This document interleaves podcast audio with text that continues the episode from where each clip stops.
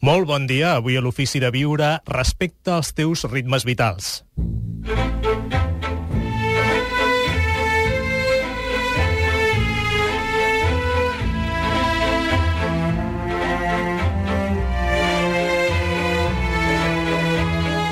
Gaspar Hernández, l'Ofici de Viure.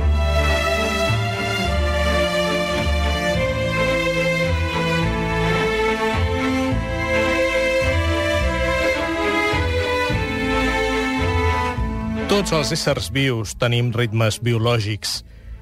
Les persones normalment supeditem el ritme biològic al rellotge dels compromisos socials i quan no seguim el ritme natural forcem la màquina i ens podem trobar cansats, irritables, malhumorats, amb dificultat per agafar el son, per despertar-nos. I aquesta situació es complica quan prenem pastilles per dormir o cafè, per estar desperts o altres estimulants. Diu el doctor Masgrau, que ens acompanya avui a l'Ofici de Viure, que anar contra els ritmes biològics fa que l'organisme sigui més fràgil i que de la mateixa manera que afecta l'activitat i l'estat d'ànim, afecta també la fisiologia del cos. El ritme del dia i la nit se l'anomena circadiari, que vol dir al voltant del dia, i és el ritme natural que marca l'activitat humana i el descans, segons les oscil·lacions de la llum solar. Aquest ritme es va formar al llarg dels mil·lennis, amb l'alternança de la llum del dia i la foscor de la nit, però en els últims segles, amb la llum elèctrica, passem bona part del dia entre quatre parets, amb llum artificial a la nit, amb radiació solar escassa de dia, i la foscor s'ha reduït al temps de dormir. El ritme biològic, diguem-ne que normal, del matí fins al migdia, és el moment de més concentració. Havent dinat, baixa l'energia per remuntar una altra vegada a la tarda, i quan el rellotge es desajusta apareix l'insomni, s'escurça el temps per refer-se i a la llarga pot perjudicar la salut. Com podem respectar els nostres ritmes vitals? Quins són exactament els nostres ritmes vitals? Cadascú de nosaltres té uns ritmes vitals diferents. Com podem saber quins són? Avui en parlem a l'Ofici de Viure. Miquel Masgrau. Així com és important adaptar-se a les estacions de l'any, també ho és respectar les diferents etapes de la vida i els seus ritmes.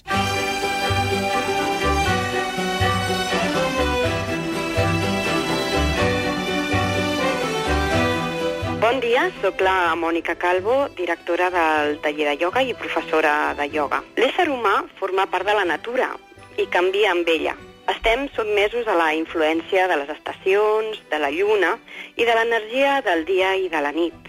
Per mantenir la salut integral és important fluir amb aquests cicles, adaptant-nos-hi de manera harmònica, modificant la nostra vida i els nostres hàbits com sigui necessari en cada moment. Per això, hem de partir d'una escolta profunda de les nostres necessitats, respectant i atenent els missatges que constantment ens envien el cos i les emocions, retornant a la nostra saviesa ancestral. També cal ser conscients que respectar-nos i estimar-nos a nosaltres mateixos significa seguir fidels als ritmes propis, malgrat que la societat, de vegades, intenti imposar-nos ritmes aliens a la nostra naturalesa i perjudicials per a la nostra salut. El preu de no respectar els ritmes vitals és jugar-te la teva pròpia salut, ja que el cos protesta, el cos necessita el seu ritme, necessita que el sentim. Quan no el respectem, el cos ens està dient que estem fent alguna cosa malament i llavors emmalalteix. Si estàs respectant els teus ritmes vitals, gaudeixes d'energia en tots els moments, i sents que estàs d'acord en sintonia amb la vida, és a dir, crees projectes nous, els pots dur a terme, estàs sintonitzat amb el que vols fer en cada moment i sobretot tens molta salut i emocionalment estàs equilibrat.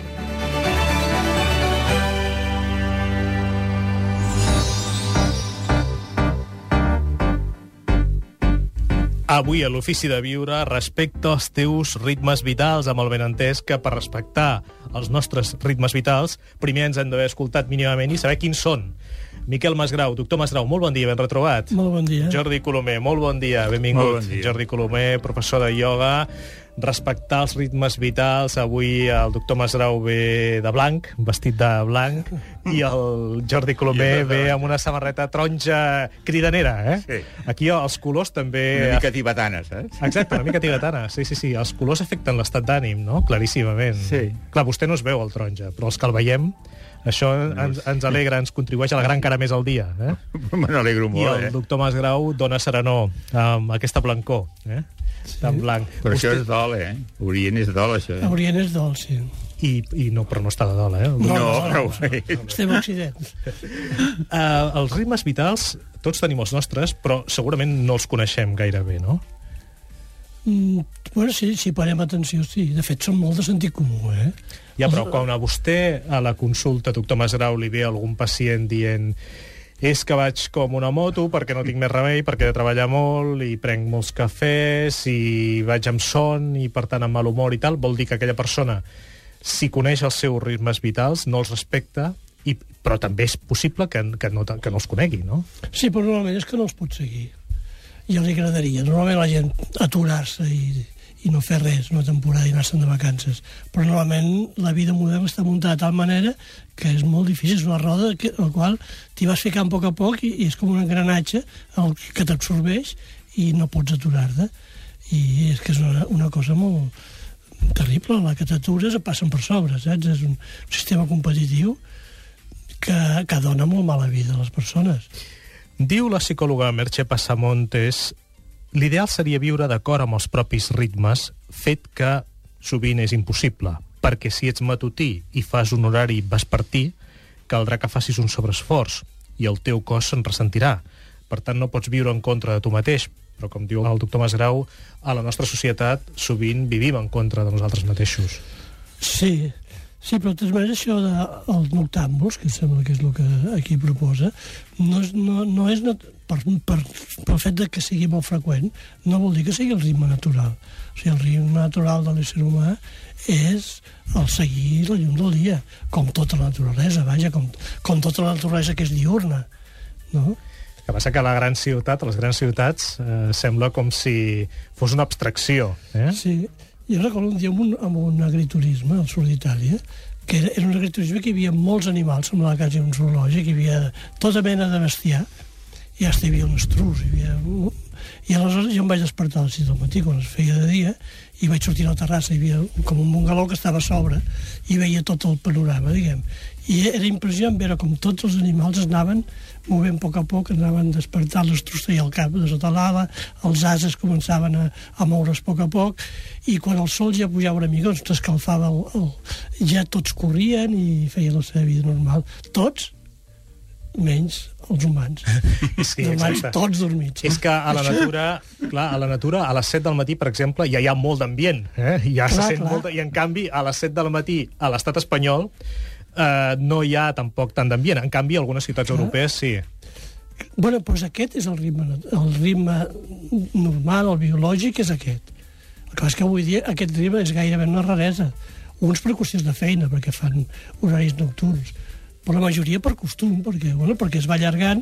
Aviam, tot ha canviat amb la llum elèctrica. No? Des que hi ha la llum elèctrica el- no hi ha foscor. O sigui, només hi ha foscor quan tanquem els ulls per dormir. Tot el més és, és activitat, activitat, activitat.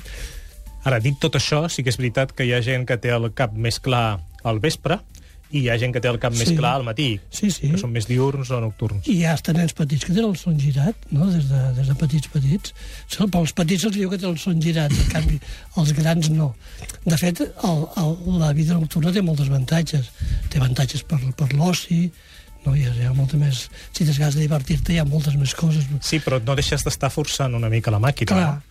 també pel treball, a vegades. Clar, si escrius, per exemple, són moments que, est que estàs més tranquil que no pas, que no pas durant el dia. No? Té, té, té certs avantatges, encara que al matí, al matinà també en té.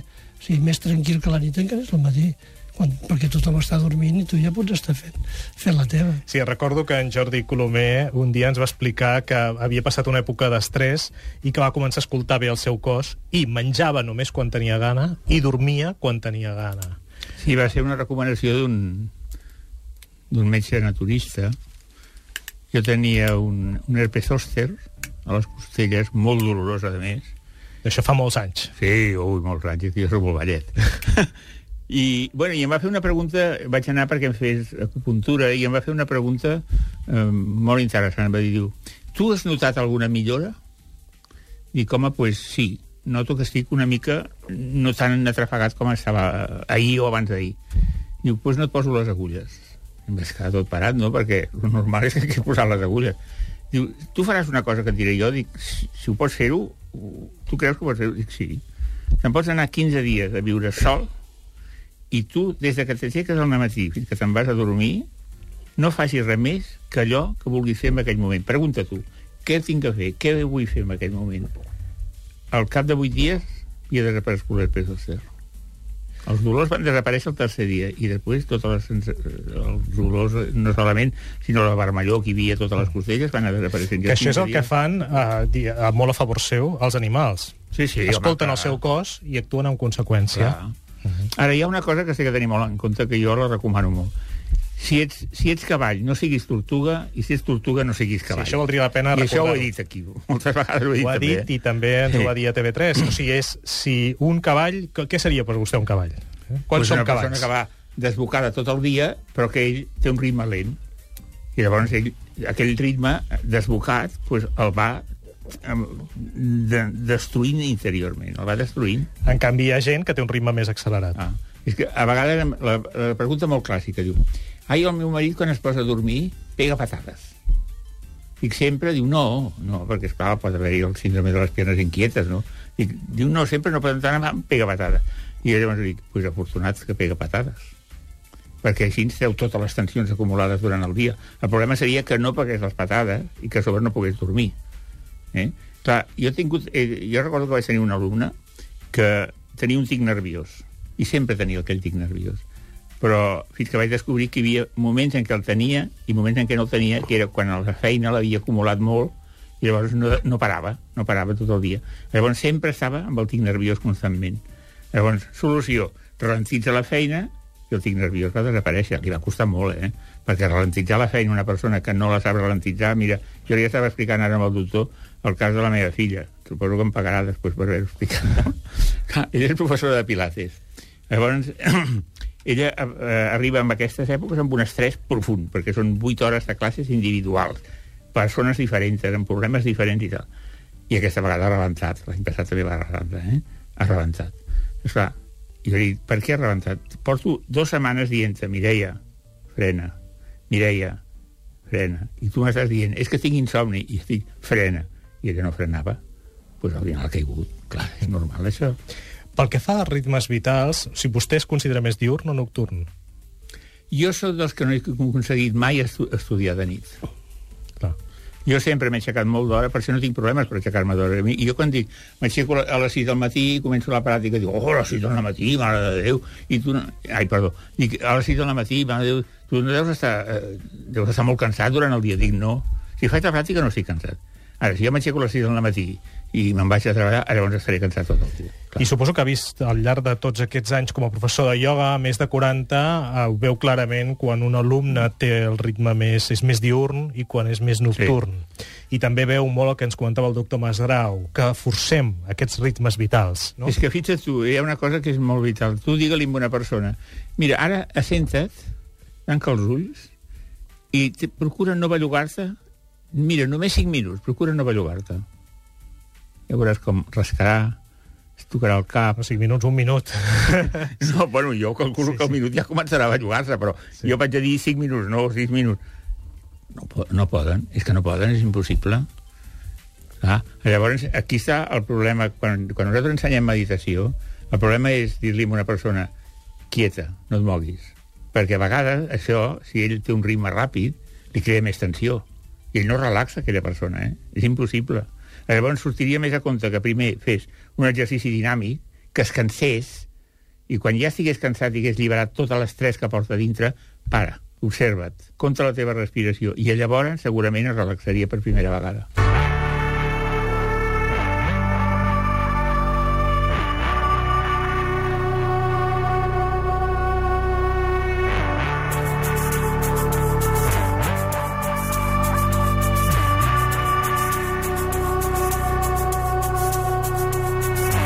Avui a l'Ofici de Viure respecta els teus ritmes vitals. Diu el doctor Deepak Chopra, el cos es manté en equilibri mitjançant ritmes i cicles complexos. Aquests bioritmes són la nostra vinculació amb els grans ritmes de la naturalesa. Quan el cos està en equilibri, emet senyals de comoditat. Indica que una persona té un vincle harmònic amb l'entorn. I els senyals d'incomoditat indiquen tot el contrari, com els tics dels quals ens parlava el professor Colomer. Viure amb harmonia amb els ritmes del cos derrota l'entropia, fet que permet un flux sense friccions de la informació biològica. Viure en oposició als ritmes del cos provoca un augment de l'entropia que porta al desordre. Com podem percebre si estem respectant els nostres ritmes vitals, doctor Masgrau? A mi em sembla que si estem integra- integrats a la societat moderna, ja podem donar per descomptat que, Que no no, els els estem, estem. no els estem respectant. La vida ha canviat molt en l'últim segle i avui dia es pot dir que és, eh, si estàs integrat a la societat no tens eh, no pots seguir el teu ritme vital. Ens hem muntat un món que és, és eh, eh, estrany a l'ésser humà, diguem. I, és a dir, la màquina, comptes de, de facilitar-nos les coses i, i humanitzar la humanitat, el que ha fet ha sigut eh, fer-nos a, a, a nosaltres actuar al, al, al ritme de la màquina.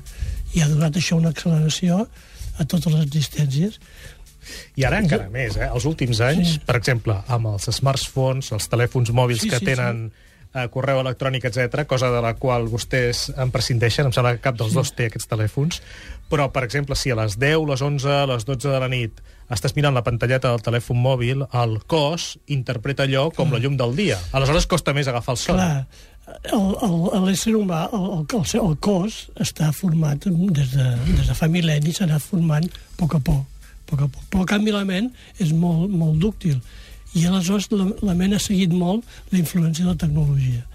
I aleshores els últims, els últims anys s'ha accelerat d'una manera no? i llavors com si diguem que el cos anés en per mitjans naturals amb, amb el vent i les marees seguint els símils aquests nàutics que estan tan en boga no? i al canvi el, el cervell va a motor és clar, el motor va a tot arreu però el cos acaba que se'ns descendeix i, i tots anem amb un motor cada vegada més accelerat i ara ja amb totes aquestes eines informàtiques i, i eh, telef telefonia, tot, tothom està contínuament en contacte amb tothom. La informació no para de, de circular. Això arriba, arriba a esgotar. De fet, quan amb els tractaments d'acupuntura, una de les coses que s'agraeix molt perquè es pot aconseguir de cop aturar, aturar aquesta ment, no? I aleshores les persones això ho agraeixen moltíssim. Doncs què ha passat aquí? Sí, llavors troba el seu ritme natural. Suposo que és el mateix que s'aconsegueix també fent amb el ioga, amb el tai chi, totes aquestes arts eh, tècniques orientals no? que posa, o la relaxació conscient que dèiem, no? Tot això aconsegueix que, calmar la ment, la meditació, a la que deixes la ment eh, tranquil·la, passiuada, llavors el cos agafa el seu propi ritme. I recordem que els propis ritmes poden ser diferents amb cada persona, com dèiem abans, a en Jordi Colomer no li costa res llevar-se d'hora, la persona que li costa llevar-se d'hora, doncs bé, cap problema. L'ideal seria que no es llevés tant d'hora, no? Que anés a dormir més tard. No, no, perquè és maco aixecar-se d'hora, eh? No, no, però dic per les persones que, Ah, veuen vale. que tenen més facilitat Però, per estar el problema greu, el problema greu, ara que est- estava escoltant el que deia, el problema greu és que hi ha gent que no és conscient de que té un ritme vital i se li té que fer descobrir. Clar. I això crec que és missió nostra, fer-li descobrir quin és el seu ritme Bueno, vital. jo m'he trobat moltíssimes vegades, moltíssimes, persones que es queixen que es desperten a les 6 del matí. I es queixen. Es queixen, no, no és que Eh. un tractament per això, dius, escolta, que no. Però potser és un regal. Però ja, No? acostum- Ara, clar, no és un regal quan has de fer mil hores durant el dia, Però- però quan has acostuma- d'anar a dormir tard. Però aviam, si l'home ve del mono, que diuen que sí, doncs des del mono fins al seu avi, tots es van despertar a les 6 del matí. Això és normal, que despertar-se quan s'aixeca el sol. El problema és si se'n va a dormir tard, en tot cas. No? Clar. Però potser se'n va a dormir tard perquè no té més remei. No? Mm, Bé, moltes vegades per inèrcia. Eh? Ja considerem normal allargar la nit, però el, el, el llevar-se d'hora és el, de fet és el més natural. és fantàstic. I, I és el millor moment del dia, a més a més. Sí. Eh? Per I mi. descobreixen una quantitat de coses fabuloses, eh? Sí, sí. Deia el professor Colomer que una de les missions del professor de ioga, per exemple, o de meditació, o del metge acupuntor, o del metge en general, és també intentar donar pautes perquè la persona descobreixi quins són els seus ritmes vitals. Sí, bueno, el problema consisteix que el metge normalment et donarà una pastilla. Nosaltres no donarem la pastilla. Ho Clar, perquè, sí, no dir-ho. perdó pel parèntesi, un ansiolític, per exemple, el doctor Masgrau, o un tranquil·litzant, o un somnífer, trenca directament tot el ritme vital. no? Clar, a tonta. Ah, El trenca. A tonta, sí, sí. Sí.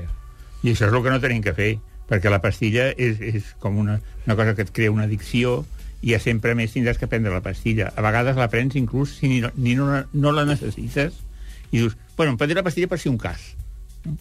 Però, clar, eh, això és el que tens que fer. Primer, exercicis determinats per descobrir aquest ritme vital. Si veus que una persona no pot anar de pressa, no l'obliguis a anar de pressa i viceversa, no? Hi ha exercicis determinats, i, i uh, quan s'estudia l'estrès, veus que hi ha exercicis per descobrir quin nivell d'estrès tens i quina quantitat de- d'exercicis de, tens que fer tu per treure aquell estrès. Perquè, clar, l'estrès és un veneno, però és com una droga. O sigui, hi ha gent que no pot viure sense la sensació d'estrès constant, perquè no es mou llavors. No, sap què fer. Aquella cosa del Valle Inclán, que diu, jo me sento en una cadira i conto núvols. Digue-li a una persona que té aquest ritme vital accelerat que se senti en una cadira i conta núvols i acabarà pujant-se per les parets, eh? Clar, no, no podrà. Estarà superaccelerat perquè el ritme vital ja el porta així. No és seu. Però la societat li ha creat l'ambició o a vegades la necessitat de, de treballar perquè no li toca treballar mai perquè s'està morint de gana. Ah, I ojalà que té treball, afortunat ell. Si és que hi ha dos ritmes, el ritme de, del cos, que és, el, que és el ritme vital pròpiament dit, i després l'altre que és el social, que és un ritme que, que ens hem imposat nosaltres mateixos. I aquest normalment està molt accelerat i, i molt, molt, molt desenfocat, diguem. Està, aquest de, està forçant el cos d'una manera o altra. Diu el doctor Masgrau, en l'actualitat vivim en una tensió permanent, ja que estem sotmesos a continus requeriments del medi bombardejats, diu el doctor Masgrau, per impactes de tota mena que provoquen un augment del sistema nerviós simpàtic amb descàrregues contínues de cortisona i adrenalina, sense gairebé temps per estar sense fer res. Però, esclar, aquestes descàrregues contínues d'adrenalina tenen bona fama, no? I gairebé semblen un bé preuat. Sembla com si busquéssim això, no? Sí, ab- abans de l'infart acostuma a tenir sí. bona fama. sí, sí, exacte. Després hi ha un preu, un preu que es Clar. paga per això, sí. Es crema, vull com els motors, no? Quan, quan funciona massa ràpid i sense Sí, aigua, sí. es cremen. Mm. No, a més, és que aquí, precisament utilitzant la metàfora del cotxe, no? aquí se li acudiria doncs, estar amb el cotxe revolucionat durant una setmana, 15 dies, sense que descansés el cotxe, no? Clar, clar. sense aturar-lo. I en canvi ho fem amb el cos. Sí, sí. sí. Cui, el cuidem molt menys que el cotxe. eh? Exacte. Però molt menys. Sí, sí, sí. Li, li donem molta... Perquè, a més, el, el que és atenció al cos, cuidar del cos, a vegades ho deleguem amb, amb una ciència que és especialitzada en patologia. No? I llavors això encara ho complica més. Perquè quan et diuen que estàs bé, no vol dir que estiguis bé. Vol dir que encara no estàs malament. No? Llavors, el cuidar del cos és una cosa que no es pot delegar a ningú, que cadascú s'ha de, s'ha de, ho ha d'assumir i, en tot cas, practic, buscar un estil de vida, que no fer cap d'això un estil de vida que ajudi i no perjudiqui. Anem a intentar donar algunes eines que puguin ser útils als oients, que els interessin sobre aquest estil de vida, quin podria ser un bon estil de vida. Per exemple, a casa nostra té bona fama la migdiada. Vostès estan a favor de la migdiada? Jo sí. Sí. Després de dinar, el ritme vital baixa? Sí, sobretot el- a l'estiu, clar, és, és, és, a l'estiu és imprescindible, vaja. Sí. Clar, 15 minutets són... Eh, el Churchill li deia que era començar el dia altra vegada, que va aguantar la guerra gràcies a que feia una migdiada i començava el dia altra vegada, no? Home, tampoc dic tant, però en realitat perquè jo dormo pràcticament a vegades, a vegades em poso al llit, tanco els ulls i surto de l'habitació i algú em diu escolta, però si acabes d'entrar però per mi allò, aquell tancar els ulls aquell moment, ha sigut algo al·lucinant no? i em, em, em carrego per tota la tarda, i ja està Bé, altres eines que ens poden ser Bo útils? dormir bé, dormir, o sigui, el, el reposar és, és l'essencial. I a més, sempre s'ha dit de que la millor hora per dormir, la que aprofita més és la primera hora, és, és abans de mitjanit. I això, això és, està claríssim. Si veus, tens en compte la fisiologia del cos, o sigui, a la nit la sang s'acumula a la fetge i aleshores és, és, és el moment de depurar. Llavors, quan sopes molt, per exemple, tens, tens el cos amb activitat a nivell del sistema digestiu i llavors no descanses tan bé ni, ni, ni aprofita tant la son. Per tant, quina seria una bona hora per anar a dormir? No, l'hora... Bueno, depèn de la... L'hora del prime time televisiu seria una bona hora per anar a dormir, no? Depèn de l'estiu de l'hivern, no? que la canvia molt. Normalment les, a l'hivern les nits són més llargues, també es, es pot descansar més, i a l'estiu es, es, es presta molt més la migdiada Sí. i a dormir menys. I els oients que diguin és que jo, si me'n vaig a dormir havent sopat poc, aleshores no, no, tinc, no puc dormir, què els diria? Bueno, tot, és, tot és qüestió d'hàbits, eh? Perquè una altra, una altra cosa important d'hàbits és el, el menjar. O sigui, el menjar a ritmes regulars i, i en moderació. Allò, aquell adagi tan famós d'esmorzar com un príncep i, i sopar com un pobre, doncs segueix sent una norma de, de conducta de salut fàcil. Sí, en Jordi Colomer, com ho porta això del menjar? No, jo menjo molt poc, o sigui, que no sé de què dic, però... I a més m'engreixo, o sigui que no ho Sí. entenc. Li fa res, perdó, eh, per la pregunta, li fa res que recordem la seva edat? Dit, ah, només per dir que està fresc com una rosa no, el mes, que ve, el mes que ve em faré 84. 84 anys.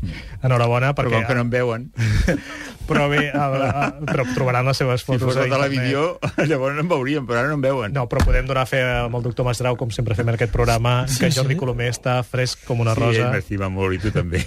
no. i que té una ànima jove. Eh? I, I el cos també, vaja. Sí, sí, és evident. És Bueno, evident. No em puc I llavors, en aquests 84 anys, alguna lliçó que hagi après eh, és el que ens està dient? Si Home, ets... jo procuro portar una vida no excessivament ordenada. De tant en tant m'agrada fer el cràpula, anem a dir així. el cràpula vol dir saltar-me l'ordre normal de la vida, no? Clar. O sigui, si un dia m'aixeco a les 6 del matí, pues, llavors un dia m'aixecaré a les 5, apa. Eh? I me'n vaig a comprar croissants. O sigui, vull dir, no, no em vull subjecte amb un ritme determinat. Procuro menjar poc, no menjar gaire, eh, coses pesants, vaig a, per sopar menjo una fruita i quatre nous i, i sense cabó i, i dormo com un tronc. I a més passen coses al voltant meu i jo no me n'entero i em diuen al matí però no has sentit aquell soroll? Oh, no, no, jo no he sentit res, tu. I ara que tinc el tap a l'orella, menys. O sigui que no, em sembla que no me'l trauré el tap a l'orella, eh? perquè té les avantatges. Perquè ja li agrada no sentir segons quines coses. Té les Eh? seves avantatges. Hi ha coses que no sento, tu. Avantatges, eh? Sí. Però eh, dino una amanida i alguna darrere, perquè no sóc vegetarià total, menjo peix, i, i per esmorzar menjo una llesca de pa integral amb oli, no menjo res més. Oh, i Està clar que De menjar tant poc... tant, perdona, faig un extra. D'acord. Aquell dia menjo pastisseria uh. -huh. o menjo eh, algo extra, algo diferent. No, no vull estar lligat a que tinc que menjar exactament això. No, jo no, no vull estar lligat de peus i mans que tinc que fer aquest règim tota la meva vida. No, perquè potser el tindré que canviar, aquest règim. Sí, amb això està d'acord el doctor Masdeu, subscriu, Sí, no? sí. Aquesta, uh, que sí que està clar que és que hi ha molts estudis que associen la longevitat, entre altres coses, al fet de no menjar massa. Menjar poc. Com més gran, menys he menjat, eh? O sigui, jo menjava molt de jove, menjava moltíssim, eh? Dir, A casa meva les, el menjar era... El meu pare de Santa Coloma Farners i a Girona es menja molt, eh? I jo recordo que la crema catalana que ella deia Josep, Sí, no es menjava amb un plat de posta, sinó amb un plat soper, per dir-ho. I, I per Nadal es menjava un pollastre per persona. I llavors jo això, tot, clar, quan vaig començar a entrar al món del ioga, ja vaig anar reduint tot això, i tot això va anar desapareixent. I el que em deu haver costat eliminar tot aquest bareno de dintre. Sí que era eliminat del No tot. necessàriament, verí, no necessàriament. Bueno, no, però vull dir però que- vaja, sí, que era de vida, eh? però molt. I ara, eh, a vegades, hasta jo al·lucino de pensar el poc que menjo. Veus, per això és important, seguint els ritmes vitals, el ritme també de, segons l'edat. O sigui, es- està a adaptar-se a l'edat i la condició física, no? Això eh, per aquí també fallem moltes vegades. Mengem moltes vegades com si tinguéssim molta activitat, com si fóssim joves, quan de fet el cos ja cada vegada necessita menys. Necessita menys i li costa més d'eliminar de, de, i de, i de desintoxicar-se. I a més, el cos necessita molta energia, no?, pels processos digestius. També, també, clar. El que podem constatar tots és com de productius som quan fem un àpat d'aquests increïbles, no? O sigui, quan mengem molt, per exemple. Mm. Aleshores, a la tarda, no som gaire productius. I això, les diferents edats no estan massa, massa respectades, diguem. El nen a vegades se'l tracta com un gran, a vegades com un deficient, no? De, ja ho tenim molt desenfocat. L'expectativa que tenim amb els canvis de, de, de, d'etapes de la vida són terribles, no? L'expectativa que hi ha amb la menopausa, per exemple, és una cosa que ja posa malalt, a les dones només s'hi van acostant pensant que s'han de trobar malament, quan de fet hauria de ser una raresa el trobar-se malament. I de fet moltes vegades s'hi troben de malament. el qual és lògic amb aquesta expectativa. O amb l'adolescència, per exemple. Tothom espera grans coses terribles del, dels adolescents, dels joves dels 40 anys, mare de Déu, quan arriba als 40 anys. Tot, totes les etapes de la vida comptes de, de ser celebrades amb, amb alegria i dir, ostres, que bé, i estar agraït d'haver arribat als 40 Clar. en tanta forma, dir, oi, mare Déu, en tinc 40, i això s'acaba. O sigui,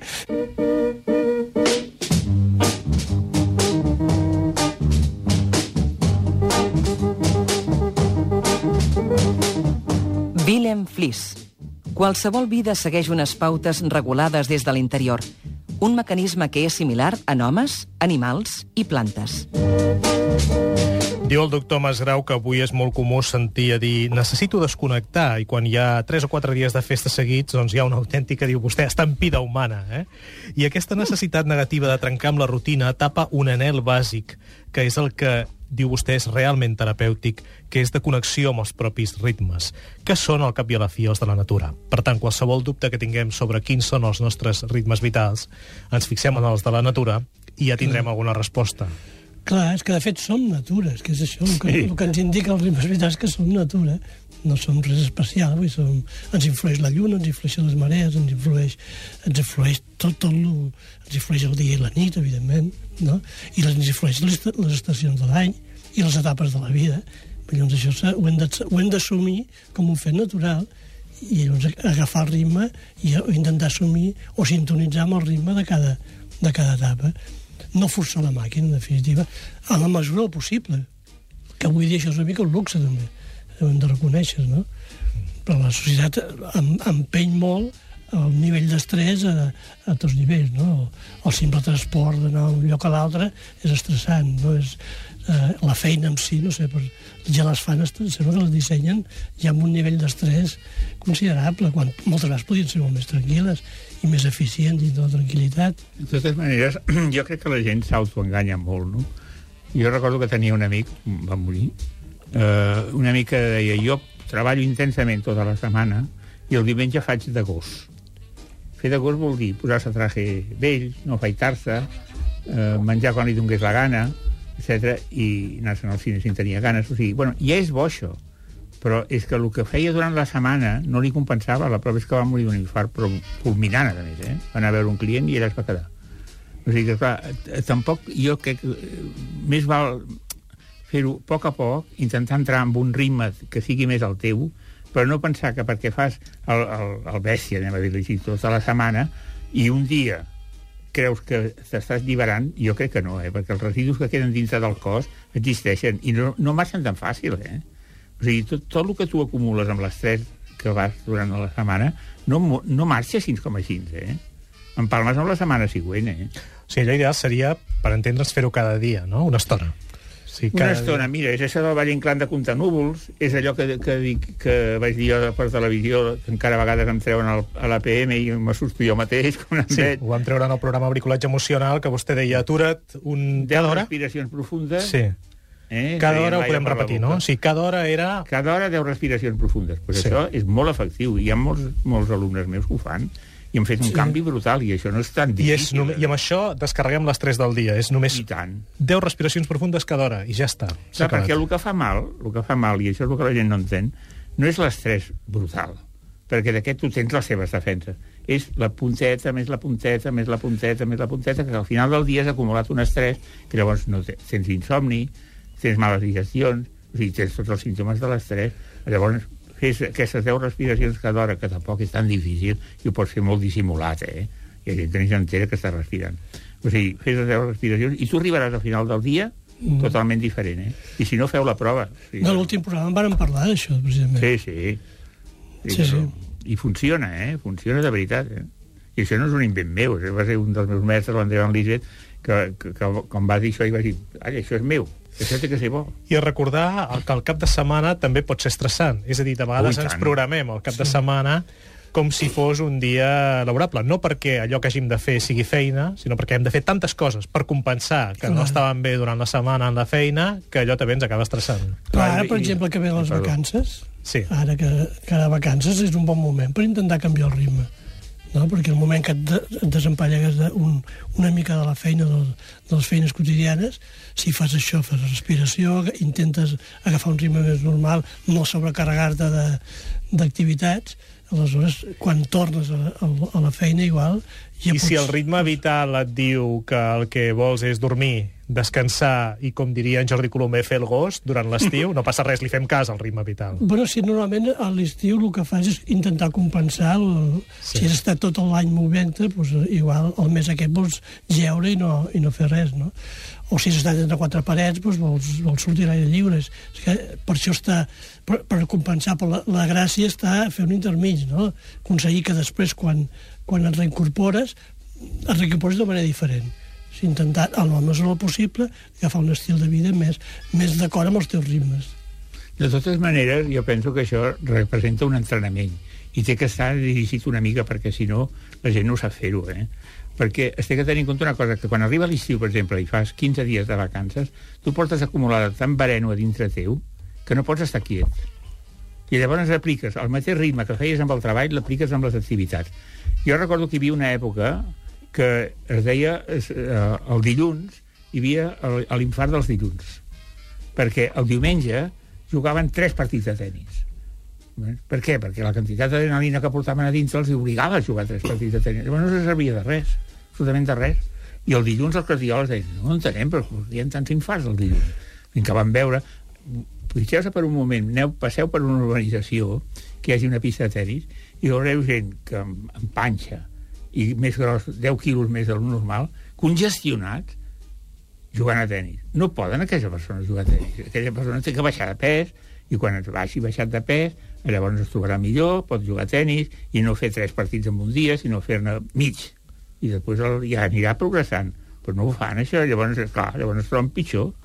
Perquè vostè quan diu acumulen varia en el cos, de quin tipus de varia? A què refereix? Home, tot el que s'acumula durant, durant les situacions d'estrès, o sigui, l'adrenalina la portes a dalt de tot, tens més sucre del que tens que tenir a la sang, o sigui, estàs tot, tot, tot amb, una, amb un... Des... Si en aquell moment fan un anàlisi, surt fatal. L'altre dia el doctor Dispenza, nord-americà, deia a Barcelona, en un cap de setmana en què vam tenir l'oportunitat d'estar uh, plegats, deia, tu pots portar la millor dieta del món i la vida més sana del món, però si acumules estrès durant un temps, eh, durant mesos, anys, la malaltia la tens assegurada. Per sí. molta dieta i per molt d'esports no, que, és que la que dieta, facis. la dieta és important, però no és, no és definitiu, clar. La, aquí no en parlat moltes vegades, la ment, com la manera de viure és, és fonamental. I el viure tranquil, amb aquesta sensació d'agraïment, amb, amb alegria, això és el que realment és preventiu de les malalties.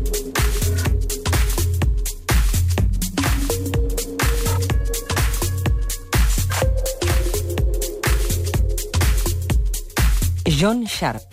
Fa mil anys, la vida estava molt més vinculada a les estacions i al clima que ara.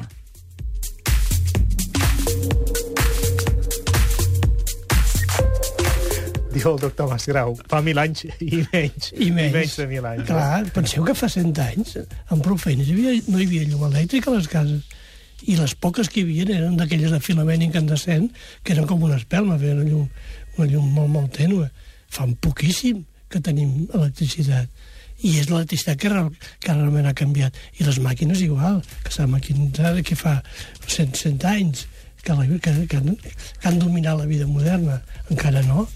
Mm. Aleshores, escoltant els nostres ritmes vitals, hi ha unes hores en què, per exemple, són, tenim més, és més fàcil per nosaltres fer esport, unes altres en què és més fàcil fer treball intel·lectual, unes hores en què ens és més fàcil doncs, no fer res no fer res, fer la migdiada uh, si ho escoltem i som coherents amb això estem allargant la nostra salut uh, també Miquel? També, perquè ja en, el, en els ritmes circadians aquests, el, la nit, per exemple, s'acumula... La, la cortisona, per exemple, es, es, té el seu pic, comença a pujar durant tota la nit i té el seu pic de matinada, i llavors va baixant. No? En els animals dius, canvis que són nocturns, és al revés es puja durant la nit i puja durant el dia i acaba. Tens un punt, punt màxim al cap vespre, no? I totes les hormones també tenen aquest cicle. Les hormones del, eh, estimulants del tiroides, per exemple, també tenen el seu punt àlgid a la, a la mitjanit. L'hormona del creixement, per exemple, està més alta quan dorms. El, bueno, és a dir, quan dorms a la nit i a l'hora de la migdiada. No? El qual vol dir fins a quin punt és important pels nens dormir per créixer. No? És a dir, tot això té, té traducció química i, i alterar això, en certa manera, és forçar la màquina. Quan tu forces el cotxe no, no té per què fer-se molt bé. Però acabarà que quan passin uns anys ja no et serà... envellirà pitjor, per dir-ho manera. No? I alguna vegada es pot trencar, evidentment.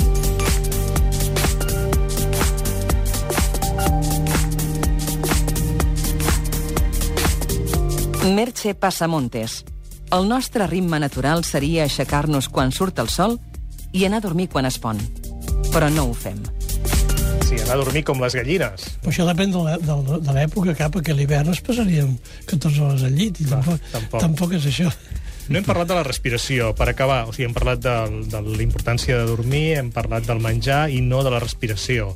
Uh, Jordi Colomer, vostè acaba parlant de la importància de la respiració. Home, Ho és, tot. que, és que naixem amb una respiració i morim amb una respiració, eh? O sigui que durant tota la vida estem respirant. I si aquesta respiració és bona, el cos en beneficia. Si aquesta respiració és dolenta, el cos en perjudica. I la gent no respira bé. No respira bé per molts motius. Un per la manera de seure, l'altre pels vestits que porten.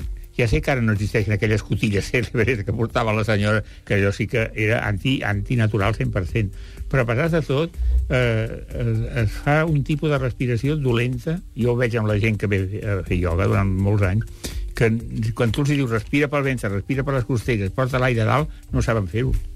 No han descobert ni la seva respiració. Cuidado, que és nostra, eh? I que el menys que podem fer és conèixer com respirem. Això és, és el mínim que pots tenir tu. Llavors, el primer que tindria que fer és reeducar la respiració ja als crios. No els crios molt petits, eh? Cuidado. No, aquests que respirin com vulguin, que respiren bé normalment. Eh? No, sinó a les persones que a 17, 18 anys, ensenyar-los a respirar.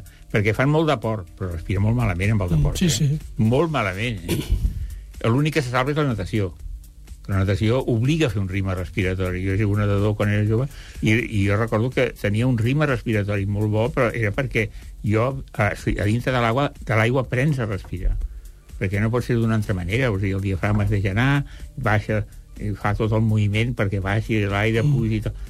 Ara, això no es fa. La gent que juga a futbol, ja em diràs tu com respiren, ja direu vosaltres com respiren, eh? Sí, segurament això de respirar, tal com vam parlar fa dos programes, va ser, no? És, és fonamental per, per enganxar els teus propis ritmes vitals. Perquè només amb unes poques respiracions, que és el que deia ara en Jordi, amb unes poques respiracions connectes de seguida amb el teu, amb el teu cos, diguem, saps? Quan la ment i el cos entren en sintonia. Avui a l'Ofici de Viure hem parlat dels nostres ritmes vitals, de com respectar-los. Jordi Colomer, doctor Masgrau, doncs moltes gràcies per haver Vosaltres. tornat a l'Ofici de Viure, que tingueu un molt bon estiu. Gràcies. Fins la Igualment. temporada vinent, que vagi molt bé. Igualment. Adéu-siau. Soc Àlex Rovira i aquests són els principis de l'ofici de viure. Humilitat, prosperitat, consciència i amor. Un programa fet amb rigor. des de l'amor. i pel benefici de tots els Cèsars. Feu podcasting allà on aneu amb l'Ofici de Viure.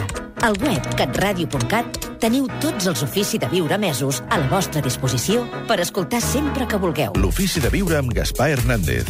Un programa sobre conducta humana. L'ofici de viure. Més de 6 milions de descàrregues la temporada passada. L'Ofici de Viure, la sort és que és un programa que s'escolta des de qualsevol punt del món i que és intemporal.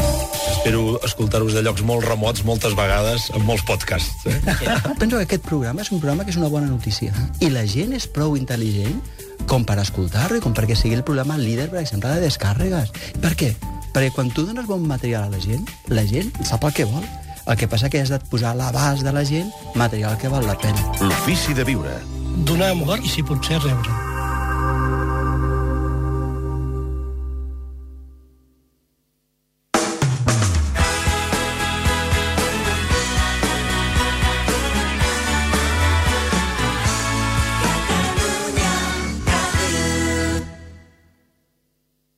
Partir del 14 de juliol arriba l'Ara Estiu. Omple el teu estiu de cultura i bons reportatges sobre viatges, salut i espectacles. Coneix l'opinió dels millors articulistes i l'anàlisi més completa de l'actualitat. Entra ja a lara.cat. I per només 39 euros gaudeix de dos mesos de tota l'edició digital i de 30 vals per recollir el diari a qualsevol quiosc. No t'ho pensis més. Suma't a l'ara.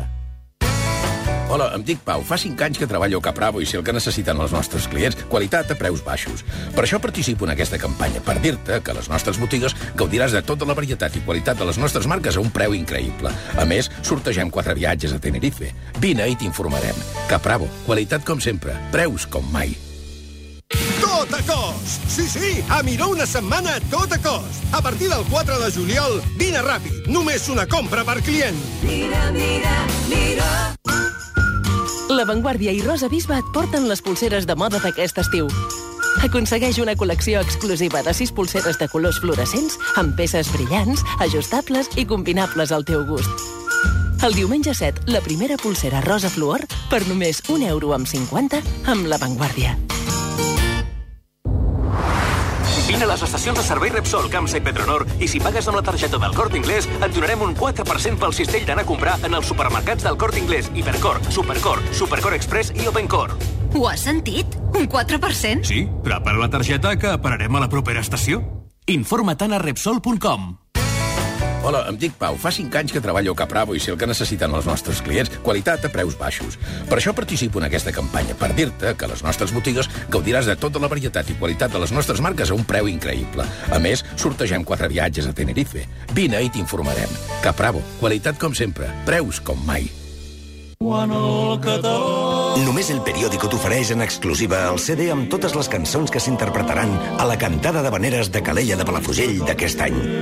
Aquest cap de setmana, per 9 euros amb 95, embarca't rumba Calella amb el periòdico. Catalunya Ràdio. La cooperació catalana té un espai a Catalunya Ràdio. Solidaris, amb Rita Marzoa. I aquest dissabte podrem escoltar els arguments de la nova presidenta de la Federació Catalana d'ONGs elegida aquesta setmana passada. Mirarem de donar claus per interpretar la crisi a Egipte i escoltarem, en una conversa tranquil·la, les raons del feminisme a Gaza. Solidaris, amb Rita Marzoa. Cada dissabte de 3 a 4 de la tarda. Segueix-nos a facebook.com barra solidaris, a l'app de Catalunya Ràdio o a catradio.cat.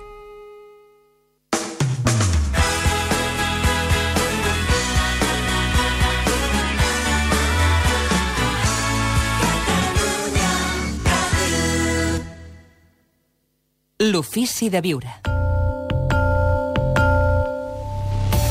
Com tenir feina? L'Ofici de Viure de Catalunya Ràdio cada dissabte amb en Raimon Samsó, director de l'Institut d'Experts. Raimon, molt bon dia, benvingut. Bon dia. Avui, eh, Raimon optimista, com sempre, ens diu que sempre hi ha treball disponible. Sí, independentment de la conjuntura econòmica. En aquests moments eh, que hi ha crisi, també s'està buscant gent preparada. Gent molt preparada s'està buscant. Per tant, ens hem de preocupar de ser aquesta gent preparada. I el que hauríem de tindre eh, present és que no hauríem d'entendre estar sense una feina com una normalitat. És a dir, encara que passi a molta gent, no hauríem d'acceptar-ho. Ens hauríem de revelar internament en aquesta situació i fer el que sigui per aconseguir una feina quan abans. No? De fet, les persones que vulguin tindre feina haurien d'estar disposades també a, a, a cedir amb algunes coses, com per exemple el lloc de treball. És a dir, hi ha feines, però potser no hi ha feines on volem trobar les feines. Hauríem d'estar oberts a anar a altres ciutats. També és cert que eh, hi ha feines, però potser no amb, amb l'ofici que tenim nosaltres però sí podríem eh, desenvolupar un nou ofici, una nova professió. Això no és tan estrany. Ja. Ara mateix les persones comencen a entendre que amb una vida professional una persona pot tindre dos, tres oficis totalment diferents. Això ho hem d'entendre que, que això està passant i passarà. I una altra cosa és que potser no trobarem el sou que estem buscant. També hauríem d'estar oberts a no tindre el sou que estem buscant. Però és més, penso jo que és molt més important tindre feina que no està aturat i no tindrà cap sou. No? Per tant, hauríem d'estar oberts. Quines preguntes ens podem fer? Doncs la primera pregunta que ens podríem fer és estic pescant peixos en el lloc adequat, on hi ha peixos? És a dir, estic buscant feina on hi ha feina? Perquè potser no és així, no? Eh, quins talents tinc jo que puc convertir en feines? És a dir, què puc convertir en un servei que sigui fàcilment contractable? No? I el sector en el que jo em moc, o la indústria, eh, és un sector que va a la baixa o que va a l'alça? Això m'ho haig de preguntar. Recordem que en Raimon Samsó diu que tinguem molt present la classe creativa, que és una classe que està creixent, un sector que està creixent a Europa i al món, i que consisteix, bé, en primer lloc, en vendre, com ens diu en Raimon sempre, coneixement i no pas hores. Sí. I treballar a un talent precís, dius, concret. Sí, hem d'especialitzar-nos en algo molt concret i després eh, diferenciar-nos, tota la gent que està oferint aquell mateix talent, no? I eh, hem de desenvolupar un, un talent que sigui fàcilment mm, contractable, que es pugui vendre, que sigui necessitat pel món, no? Aquestes persones que estan dins de la classe creativa, òbviament, són les més buscades, són les més imprescindibles i són les que més cobren. Ja siguin persones que estan empleades o persones que són autònomes, això no importa. Però són persones que estan molt buscades. Per tant, cada un de nosaltres tindria que ser un expert, eh, o quasi un expert, dintre de la seva temàtica. Aquesta hauria de ser l'obsessió. Raimon Samson, moltes gràcies. Gràcies, bon dia. Fins dissabte. Soc Àlex Rovira i aquests són els principis de l'ofici de viure. Humilitat, prosperitat, consciència i amor. Un programa fet amb rigor. Des de l'amor. I pel benefici de tots els Cèsars. Feu podcasting allà on aneu amb l'Ofici de Viure. Al web catradio.cat teniu tots els Ofici de Viure mesos a la vostra disposició per escoltar sempre que vulgueu. L'ofici de viure amb Gaspar Hernández. Un programa sobre conducta humana. L'ofici de viure. Més de 6 milions de descàrregues la temporada passada. L'Ofici de Viure, la sort és que és un programa que s'escolta des de qualsevol punt del món i que és intemporal. Espero escoltar-vos de llocs molt remots moltes vegades amb molts podcasts. Eh? Penso que aquest programa és un programa que és una bona notícia. I la gent és prou intel·ligent com per escoltar-lo i com perquè sigui el programa líder, per exemple, de descàrregues. Per què? Perquè quan tu dones bon material a la gent, la gent sap el que vol. El que passa que has de posar a l'abast de la gent material que val la pena. L'ofici de viure. Donar amor i, si pot ser, rebre. L'ofici de viure. Hola, bon dia. El que us vull preguntar potser us semblarà una mica frívol o irrellevant. Fa 3 anys que estic amb una noia i les coses ens van prou bé. Fins al moment només puc explicar-ne coses positives, però ara ha sorgit un petit núvol en la nostra relació, per dir-ho d'alguna manera. Ella vol operar-se el pit perquè considera que el té massa petit i a mi la idea no m'agrada perquè m'agraden els seus pits tal com són i no entenc per què ha de canviar una part del seu cos que la natura ha fet així i no d'una altra manera, a part que són molt bonics. No ha arribat a haver-hi discussions fortes, però n'hem parlat, i ella sempre ho acaba dient que el seu cos és seu, no pas meu, això és evident, i que, com que s'ho pot permetre, doncs que ho farà. De fet, té concertada l'operació per començaments del mes que ve. M'agradaria saber què en penseu, Ernest, des de Tarragona. Difícil, Tens, eh? sí, difícil la No, resposta. no, no, la tens no, clara, la resposta? Sí, no, la, la, tinc, la tinc claríssima. Jo crec que d'entrada la qüestió que planteja Ernest no és gens irrellevant. Uh, et diria que t'entenc a tu i que l'entenc amb ella, uh, l'entenc a ella, això és un, és un símptoma, un símptoma de les diferències que sempre, naturalment, hi ha en el si de la parella. No? El que passa és que, ja t'ho avanço, en efecte, el, el cos és seu, i en primera instància, i en primera i, i en última instància, l'única persona que ha de triar què fa amb el cos propi és un mateix. Suposo que això ho tens clar. De fet, eh, així ho dius, Ernest. Tu pots suggerir, tu pots expressar com de formosos i bonics trobes que són els seus pits. Naturalment que sí. Però la decisió final només li correspon a ella, que serà, de fet, qui superarà per estètica, d'acord, però superarà, perquè al capdavall és això el que, el que farà i, el, i és una qüestió perfectament lícita, no cal dir-ho, no?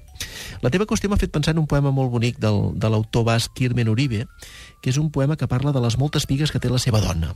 A ell li agraden aquelles pigues i el poema diu que són eh, com, com les estrelles per al mariner, una guia. Però la dona se les vol operar, aquestes pigues, no pas perquè siguin dolentes, sinó perquè troba que l'enlletgeixen. Te'n llegeixo quatre versos.